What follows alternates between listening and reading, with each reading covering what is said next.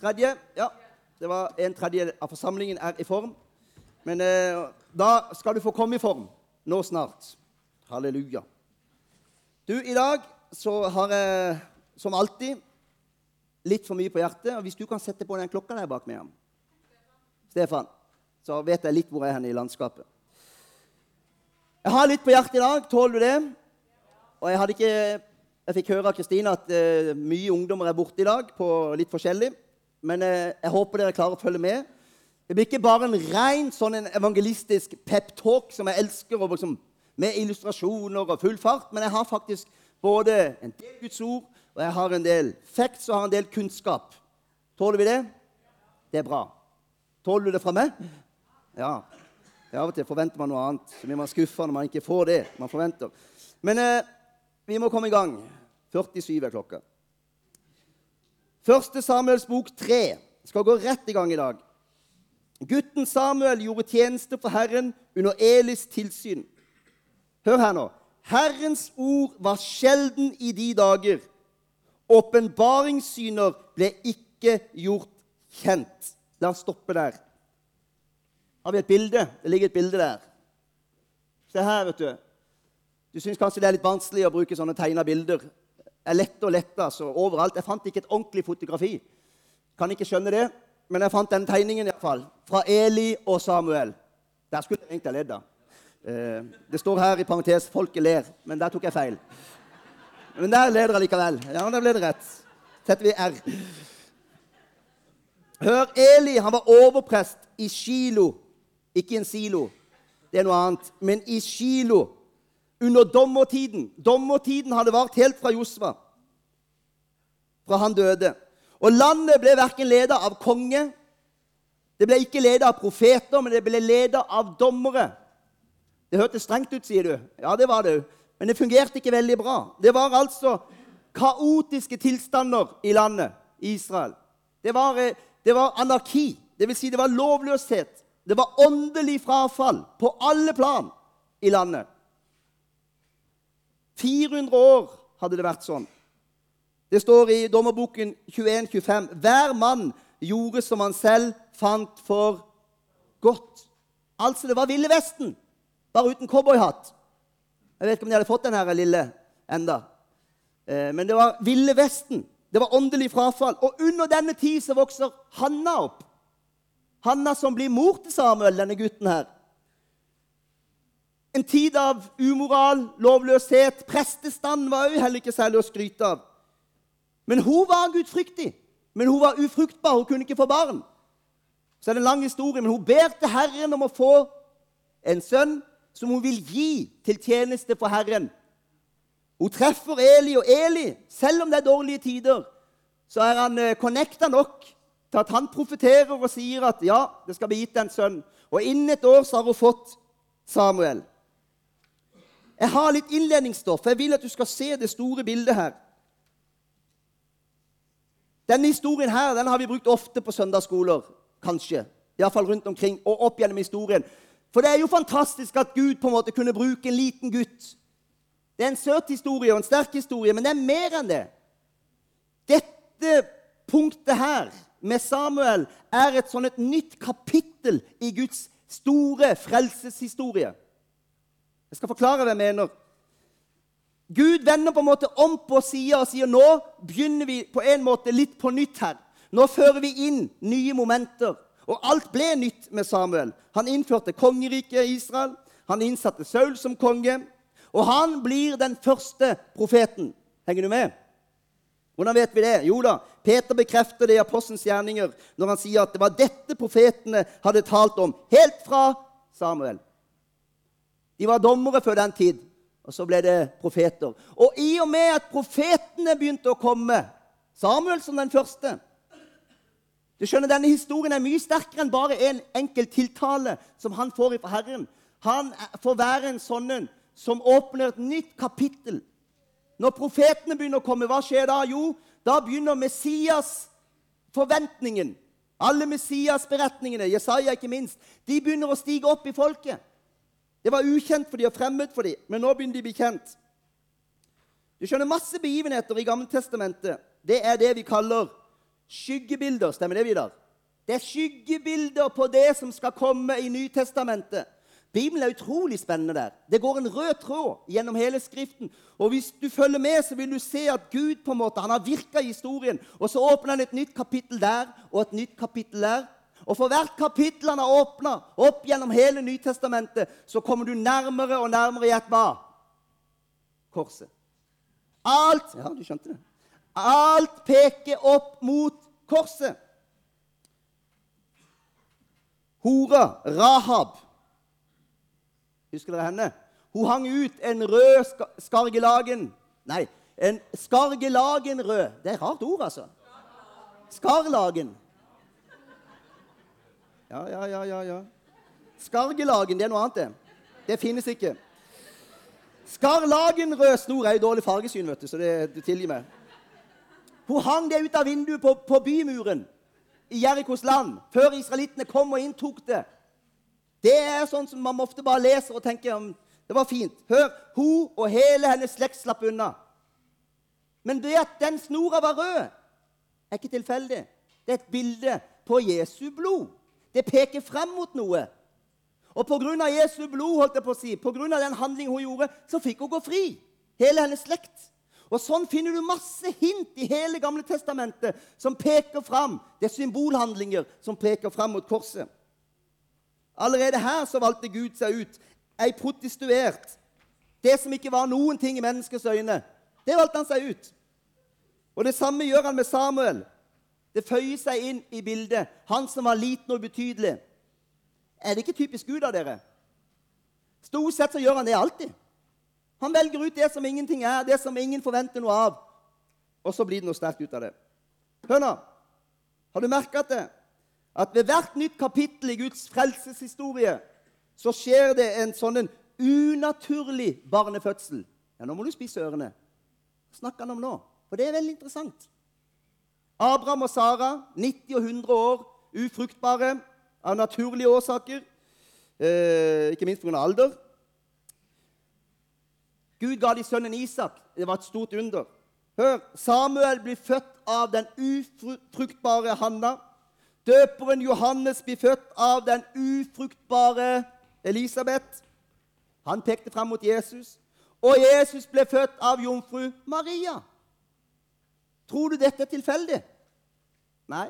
Det er et kjempesterkt bilde. Det er som om Gud legger ned sånne hint i historien om varsel om hva som skal komme. Og det er mye lettere for oss i ettertid å se det. Det var ikke så lett i forkant. Det er Gud som griper inn der noe er dødt, og så skaper han liv på overnaturlig vis. Og han demonstrerer det allerede ved alle disse kvinnene som får føde barn uten å kunne føde barn. Det peker faktisk mot den nye fødselen som vi har fått del i. For var det ikke likt med oss, da? Vi var steindøde. Du følte deg i livet før du var frelst død, men du var ikke det. Du var åndelig død, sier Bibelen. Og det at du skulle kunne komme til liv igjen, det var akkurat like håpløst som at jomfru Maria skulle føde uten å være jomfru. holdt jeg på å si. Men så var jomfru. Ja. Sånn blir det, ja. Gud har satt sine spor i historien. Og han har satt sine spor i Skriften. ikke sant, Vidar? Vidar har bøker opp og ned om dette. Han Han syns det er spennende. Hør tilbake til historien. Du måtte få med bakgrunnsstoff. I de dager kom det sjelden ord ifra Herren, og av syne var det få. Hør, det var dårlige omstendigheter for Samuel å vokse opp i. Følger du med, ungdom? Det var ikke det letteste miljøet å, å, å, vokse opp og bli noe stort for Herren. For det var jo lite spirituelle ting som skjedde. Det var lite ord, det var lite syner. Hvorfor var det lite ord, tenker du? Jeg tror det var enkelt fordi det var få som lytta. Alle lytta bare til sine egne lyster. Landet lå nede åndelig sett. Så folk lytta ikke. Gjett hva som står som neste overskrift. Det klarer du ikke gjette. Men det står altså 'rett miljø'. Samuel var et miljø som ikke var prega av disse tingene. Gud kom gjennom allikevel. Men hør rett miljø. En menighet uten dette livet, overnaturlige livet av bilder, av ord fra, Herren, hilsener fra Herren, profetiske tiltaler Det gjør noe med oss hvis det mangler. Det, det vanskeliggjør veksten for alle andre. Følger du med på hva jeg sier nå?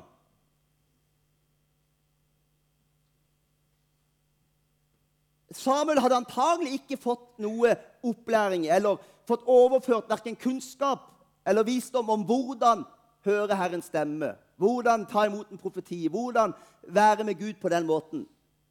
Det virker som det lå ganske dødt. Så når det først skjedde, så forsto han ikke at det var Gud. Han springer jo inn til Eli to ganger. Tror at det er han som roper på ham. Og ikke minst har han ikke fått vært i det miljøet. Jeg har lyst til å si Det er en stor forskjell på det bokmessig, læremessig, bare for å høre om noe, kontra det å være til stede i et miljø. Få se, få høre, få høre andres vitnesbyrd. Det skaper et miljø som vi kan vokse i. Det blir mer enn teori, men det blir noe som faktisk er selvrekrutterende. rekrutterende. Skjønte dere det, ungdom? Hva mener jeg med det? Det er selvrekrutterende. Og Nå tror jeg på gode planer og programmer og alt det her, men det er faktisk selvrekrutterende over det. Fordi at det fins et miljø der hvor Gud virker, så vil dere som er unge dere vil, Nesten om dere vil det eller ikke, så vil dere bli, bli preget av det. Dere vil bli forma og danna av det dere er med på. Denne kvelden i kveld gjør noe med dere. Den gjør noe annet med dere i kveld enn om dere hadde vært på kafé i byen. Eller på et annet type møte hvor det skjedde helt andre ting. Det vi er med på, det former oss, og det preger oss. Og det vi er med på, det beslutter vi sjøl sammen. Hvor skal vi gå? Hvilken vei går vi? Hvilke verdier vil vi ha i bunn? Henger du med? Litt, jeg vet det er en litt traustere preken her enn det pleier, men du får bare tåle det. I miljøer med disse tingene fraværende så vil andelen av de mennesker som får tak i det, være veldig få. Jeg har jo vært i sånne miljøer. Og det, og det er uavhengig av hvor mange de er. Det kan være hundrevis, men det er få. Så kan man være få i et miljø, men allikevel er det mange som har fått tak i mye. Fordi det lå noen premisser. Miljøet ga næring til Gud, holdt jeg på å si. Til gavene. Det er derfor vi er opptatt av åndens frihet. Derfor er jeg fremme her og sier at får du noe fra Herren, så må du dele det. Og så er det faktisk sånn at det er ikke bare her og nå det virker. Det er lett å tenke at ja, det ble godt for meg her og nå. Ja, det virker her og nå, men det gjør mer enn det, og det går mye dypere. Det at vi åpner opp og får høre fra hverandre, det skaper og det bygger en kultur. Hører du hva jeg sier? Som vi tror på og som vi vil ha som fundament, et verdigrunnlag for det arbeidet vi står i. For vi tror på det. I mine første år etter frelsen Jeg var bare 13 år. Da sa jeg ja til Jesus personlig. Da var det her fraværende i det miljøet jeg vokste opp i. Ingen som talte i tunger. Det var ingen som snakka om nådegavene. Det var aldri noe snakk om Den hellige ånd i det hele tatt. Men det var mye bra. Det ble mennesker frelst for det. Men først når jeg traff på noen som levde i de tingene, som hadde studert og skjønt noe, så begynte jeg å få tak i noe. Men ikke før den tid. Så det henger sammen. Skjønner du hvor viktig det er at du kommer ut av den tenkningen at Nei, jeg skal bare sitte her. Jeg skal bare høre på. Til evig tid. Til jeg går i grava. Nei, du skal ikke det, skjønner du. Du er en viktig medspiller, så vi kan få Herren kan få skapt den kultur som han trenger for at flest mulig skal få komme ut i akkurat det som Gud har for dem. Der passer det egentlig godt med et amen.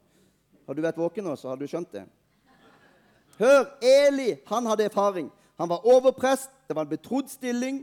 Hans slekt var utvalgt av Herren sjøl, står det. Og det står at hans slekt fikk åpenbaringen fra Herren. Det var voldsomme greier, altså. Jeg vet ikke om han var stolt, men han hadde menneskelig sett grunn til å være stolt. Han kom fra en fornem slekt som Herren hadde valgt ut å sende sine åpenbaringer gjennom. Men hør, det var dårlige tider. Sønnene hans var gudløse menn, står det. kapittel 2, 22.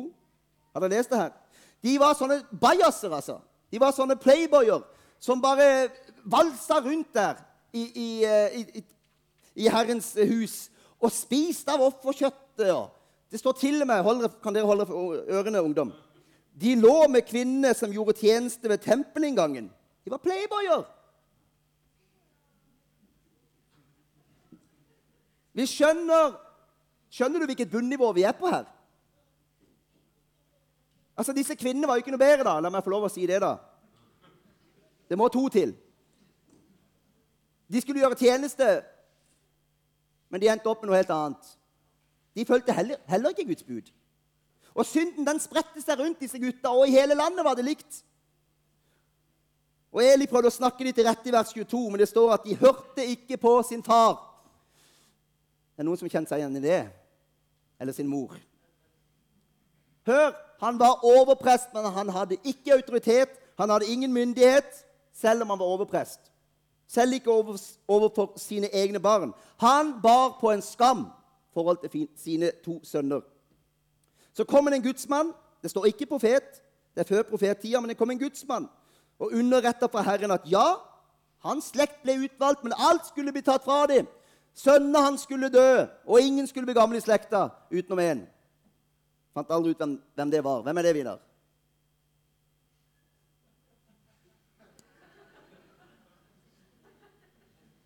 Hør! Eli er her. Etter, han er blitt gammel, han kan egentlig bare se tilbake på et liv i tjeneste. Derfor står det jo veldig lite om Eli. Det er ikke noe voldsomt ettermæle etter Eli som de andre profetene. Han kunne se tilbake på et liv hvor ting egentlig bare var blitt verre og verre. Og du tenker på hva skal jeg bruke denne kunnskapen til? Jo, det skal du få snart. For endelig, etter mye bønn for Eli antagelig, mye frustrasjon og lengsel, så taler Herren etter mange år antagelig. Det har vært åndelig tørke. Kan du tenke deg å være Eli da? Endelig taler Herren, men ikke til han som er overprest. Men han taler til unggutten og lærergutten. Han er ikke gamle karen. Samuel. Totalt uerfaren. Har ikke gjort seg fortjent til noen ting.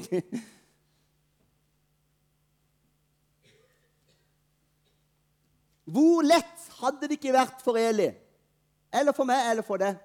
Etter et langt liv i tjeneste han hadde gjort så godt han kunne. Han hadde ofra så mye. Å bli sur, bitter, føle seg forbigått, føle urettferdig, bli sår. Skulle altså denne unge jyplingen av en læregutt Skulle han bare komme her? Og når endelig Herren taler etter årevis, så var det han som han skulle tale til. Det er ganske spesielt. Og de aller fleste av oss hadde nok gått noen runder med oss sjøl. Eller er du, du er så sterk, du. Du hadde ikke kjent på den plass, du. Men det hadde jeg, og det hadde du, og du. Og kanskje ikke du, da. Og i tillegg ja, Gud er jo suveren. I tillegg, når Gud endelig kommer med et ord Gjett hva det handler om. Det handler bare om dommen over Eli. Stakkar mann. Og så skal han høre det fra en ung gutt som i tillegg er lærlingen hans. Altså, Gud gjør som han vil. Han er ofte langt utenfor hva vi syns er fornuftig, pedagogisk. Men Gud er Gud. Og han har det med å gjøre akkurat sånne ting. Han kommer gjennom de vi minst forventer det fra. For han utvalgte seg det som ingenting var. Gjett hva Eli svarer. Han er faktisk gudfryktig nok. Han, blir, han er ydmyk nok og gudfryktig nok til at på tross av alt så sier han han er Herren. Måtte han gjøre det han synes er best. ikke det er fantastisk? Misunnelse. Fins det misunnelse i Guds rike? Ja, det gjør det jo. Nå vet du det. Det er alltid noen, og mange, som vil synes at noen er så mye flinkere, har fått til så mye mer, står i noe sterkere enn deg sjøl. Og hør når man går og kjenner mye på sånt, så blir det vanskelig å bekrefte andre. Det blir vanskelig å gi ros, for egentlig så står det misunnelige følelser i veien. For du ville egentlig vært der sjøl. Så du holder deg igjen litt i bakgrunnen fra mennesker som du tenker har fått det til, eller har noe som ikke du har. For det blir bare en påminnelse for deg. Hva du en gang drømte om, eller hva du trodde du skulle virke. Og så holder du deg unna. Eli kunne ha tenkt når ikke jeg har lykkes, så skal ingen andre lykkes. Og Det virker litt sånn når du leser historiebøker, at det kunne være litt sånn i gamle dager. At når far i huset aldri fikk det til og aldri ble noe, så, så var det liksom om å gjøre å holde nede sønnen. Han skulle ikke bli noe bedre. Han skulle ikke tro han var noe mer. Det virker sånn i en del gamle romaner. Når Gud ikke lenger taler til meg, skal han iallfall ikke tale til unggutten Eli, jyplingen. Iallfall ikke så lettkjøpt. Så ung og så uerfaren. Skjønner du hvor jeg vil henne? Jeg har vært på misjonskall hele mitt liv. Fra jeg var fem år. Når folk spurte hva jeg skulle bli, sa jeg ikke at jeg skulle bli politimann eller brannmann. Jeg sa misjonær. Og hvor jeg hadde det fra, det er ikke lett å si. Det er ingen fra min familie eller fra min kjernefamilie som ga press på det. Men nå skal jeg være personlig og ærlig. Hør, Jeg hadde trodd at snart 45 år Stemmer det, Miriam? Jeg har sagt at jeg har vært 43 hele dette året, men jeg er 44. Jeg har, helt, jeg har vært overbevist om at jeg er 43, men jeg er 44. Det skjønte jeg forrige uke. Det er sant. Jeg hadde, Hvis du spurte meg for 25 år siden når jeg var liksom 20-årene, begynte på bibelskole Jeg trengte jo ikke noe utdannelse, trodde jeg, for jeg skulle jo bare vinne verden. Uh, ut og være misjonær. Hvis du hadde spurt meg for 25 år siden hvor jeg ville vært i dag, så ville jeg hatt et helt annet svar enn det der jeg er. Akkurat som det så har jeg kjent mange ganger at dette tar sannelig tid. Man kan av og til føle at livet går fra en. Jeg er jo snart 50. Da er det jo over. Nei da, det er det ikke. Det er ikke over når du er 50. Men vet du hva? Jeg kan kjenne på det. Jeg er et menneske. Jeg kan kjenne på det at det går seint. Miriam vet jo mye om dette. Jeg hadde, ville gjort så mye mer, jeg ville sett så mye mer, stått i så mye mer.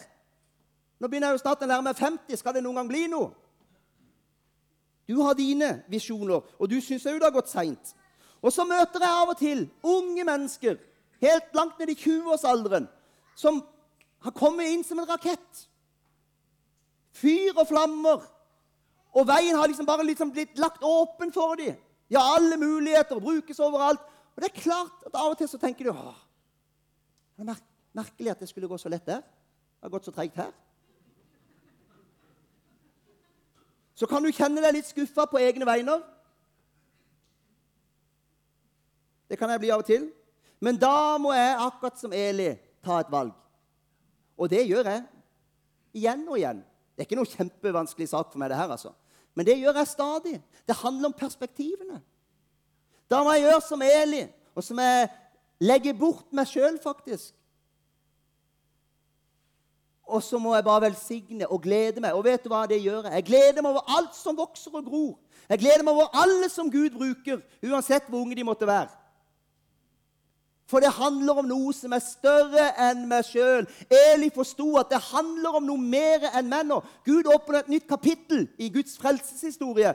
Og nå kan jeg få være med på det. For hvordan fikk han være med? Han fikk bruke sin kunnskap. Og så fikk han gå inn, og så fikk han instruere. Det var riktig. Samuel, hva han skulle si, og hvordan han skulle ta imot. Så fikk Eli likevel en viktig brikke i Guds plan. Og På samme måte så må vi leve der. Han ble ikke selvopptatt, han stilte ikke tvil. Han forklarer. Når du deler ditt vitnesbyrd, som vi gjorde på søndag, Vidar Det var så fint. Var dere her? Seks stykk stilt opp her i alle aldre, som deler et vitnesbyrd om en, noe de har opplevd gjennom ordet. Vet du hva vi gjør da? Vi driver med kollektiv disippelgjøring. Det er det vi gjør. Kollektiv disippelgjøring. Og det fins ikke noe bedre, det fins ikke noe sterkere, og det fins ikke noe som virker mer, tror jeg. For da er vi tilbake til det vi begynte med miljø. Mine ord, jeg tror på de, og jeg tror ikke minst på Guds ord mye mer. Jeg tror at det virker. Men jeg tror at når du får vokse opp i en mangfoldig sum av masse forskjellige mennesker med masse forskjellige gaver og talenter som virker å leve med Gud, så blir du prega veldig sterkt. Mange av dere unge vil, mens dere er unge, synes det er kanskje ekstra vanskelig å høre Gud. Hvorfor det? Du har gjerne ikke like lang erfaring. Du kjenner kanskje ikke Guds ord like godt, og det er helt naturlig. Du er ung. Du har ikke hatt like lang tid på det. Guds ord sier likevel 'La ingen forakte deg fordi du er ung'. Ja, Men hvordan kan jeg vite det er Gud? Hvordan oppleves det? Hvordan sanser jeg det? Hvordan tar jeg det imot? Hva gjør jeg med ordet når det kommer? Det er en egen preken. Det skal vi ikke preke over. Men dere som er unge, dere trenger de voksne. Hadde du spurt meg, så ville jeg sagt nummer én, bare et eksempel. Går det i tråd med Skriften? For det er nummer én alltid. Det handler ikke alltid om hva du føler, eller hva du tror du vet. Det handler om går det i tråd med Skriften. Og da trenger du som er ung i dag, du trenger å koble deg på noen som er litt eldre, godt voksne, som kjenner Skriften, så ikke du farer vill. Det er jo derfor jeg fryder meg over å se at dere er her og dere er her. Og egentlig skulle vi blande oss skikkelig. Vi satt liksom annenhver alders. Derfor du som er eldre og tenker ja, min tid er over, det er ikke så mye jeg har å bidra med, de unge hører ikke på meg, det er løgn. Den kommer ikke ovenfra. Kommer aldri løgn ovenifra. Den kommer unnifra. Du er verdifull. Lærerne tror mer på oss enn vi tror på oss selv. Hvem sa det? Husker dere det? Lærerne tror mer på oss enn vi tror på oss selv. Så dårlig husk du har. Det var jo bare en uke siden. Her. Akkurat her. Han som var fremme og reklamerte for bibelskolen Saronsdal. Han sa det. Lærerne tror mer på oss enn vi tror på oss sjøl, sa han. Og da tenkte jeg wow. Bibelskolen der, det er et sånt verdigrunnlag de står på. De har lærere som ser elevene, som tror mer på elevene enn de tror på oss sjøl. Det er en god kultur, det. Går det an å få en sånn kultur hos oss? Jeg tror vi har mye av det. Jeg opplever at vi har mye av det. Men kan det styrkes? Hva er problemet med oss mennesker? Det er som regel ikke at vi er hovmodige og stolte og overfrimodige. Jeg syns ikke det er det store problemet blant oss. Det er heller motsatt. Det er heller motsatt. Vi er så forsiktige, og vi tror alle andre er utvalgt. og Vi slipper, tør ikke å kaste oss utpå. Vi er nordmenn. Vi er født under janteloven. Skal ikke tro noen ting om oss sjøl. Tenk om vi kunne skape mer og mer en sånn kultur hvor vi kan legge fra hverandre utryggheten og misunnelsen og begynne å tro mer på hverandre enn vi tror på oss sjøl. Det blir et selvrekrutterende arbeid. Det blir en naturlig vekst. Du skjønner det at Vekstprinsippene i Guds rike de er egentlig så enkle. Ofte så lager vi kart og systemer det har ikke noe mot det, altså. og så tror vi det skal føre vekst. Men det er det enkleste av det enkleste.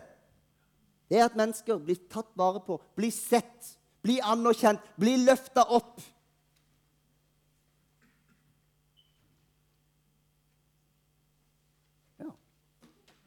Jeg er ikke god nok til å regne eh, med ham, så jeg klarer ikke 47, 15 Si meg ingenting. Paulus gjorde det samme med Timoteus. Jeg går mot slutten. De ga seg først til Herren, står det, og så til hverandre. Smak på det ordet. De gav seg til hverandre.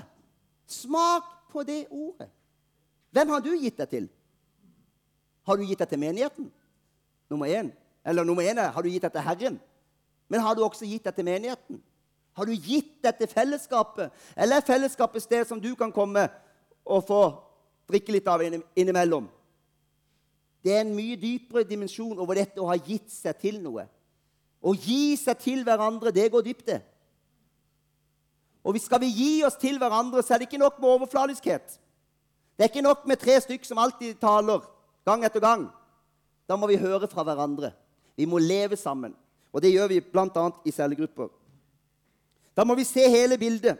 Det er fint med den tjenesten du står i, det er fint med den gaven du har fått, men du skal ikke bare være opptatt av det. Så lenge du står i noe som lykkes, er det ikke så farlig med de andre som sliter. Sånn blir det jo lett. For det vet de ikke noe om. De holder på med sitt, jeg holder på med mitt. Nei! Er ett legeme, og ett lem lider. Så lider hele legemet. Se det store bildet. Det er klart, Eli. Tør vi å tre tilbake av og til? Og nå sitter jeg i glasshus. Det kjente jeg jo med en gang. For jeg står her på plattformen. Men tør vi av og til å tre tilbake, komme litt mer i bakgrunnen sjøl for at andre skal komme frem? Det, det er nøkkelen. Kjempenøkkel. Håkon Fagervik. Stort kall, stor tjeneste. Stor mann, holdt jeg på å si, men flott mann. Men vet du hva, hva hører jeg mest ifra? Det er alle timene som sendes ut. Hører aldri han snakke veldig mye om hva han har bygd. Jeg hører fra alle de andre. Alle teamene, alt som fungerer der oppe. Stefan Kristiansen. En, en, tid så var han jo på alle plakater, på alle store konferanser. Husker dere det? Jeg har lurt på Har du slutta? Jeg ser aldri noe til det lenger. Jeg er så vant til å se bildene hans overalt. Men han er veldig aktiv. Han er bare mindre profilert. For det du hører fra nå, det er bibelskolen, det er teamene, det er alle andre. Men han står der fremdeles som en søyle og bærer og virker. Den tjeneste som vil bare bygge opp seg sjøl og skaffe tjenere for sin egen visjon, det faller. Det kan ikke stå. Vi er ikke kalt til engang å gjøre tilhengere.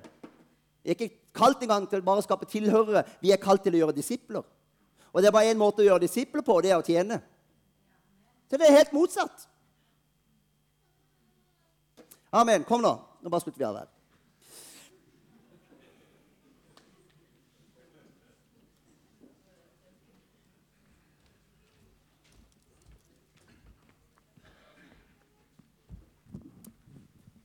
Vær så god, Kristin. Ja, vær så god. Eh, det er en tanke som har jobba veldig med den siste uka. Og det handler selvfølgelig om mat. Ja. Ingen bombe. Eh, det er sånn at jeg liker jo ikke å kaste mat. Det er vi sikkert mange om å gjøre.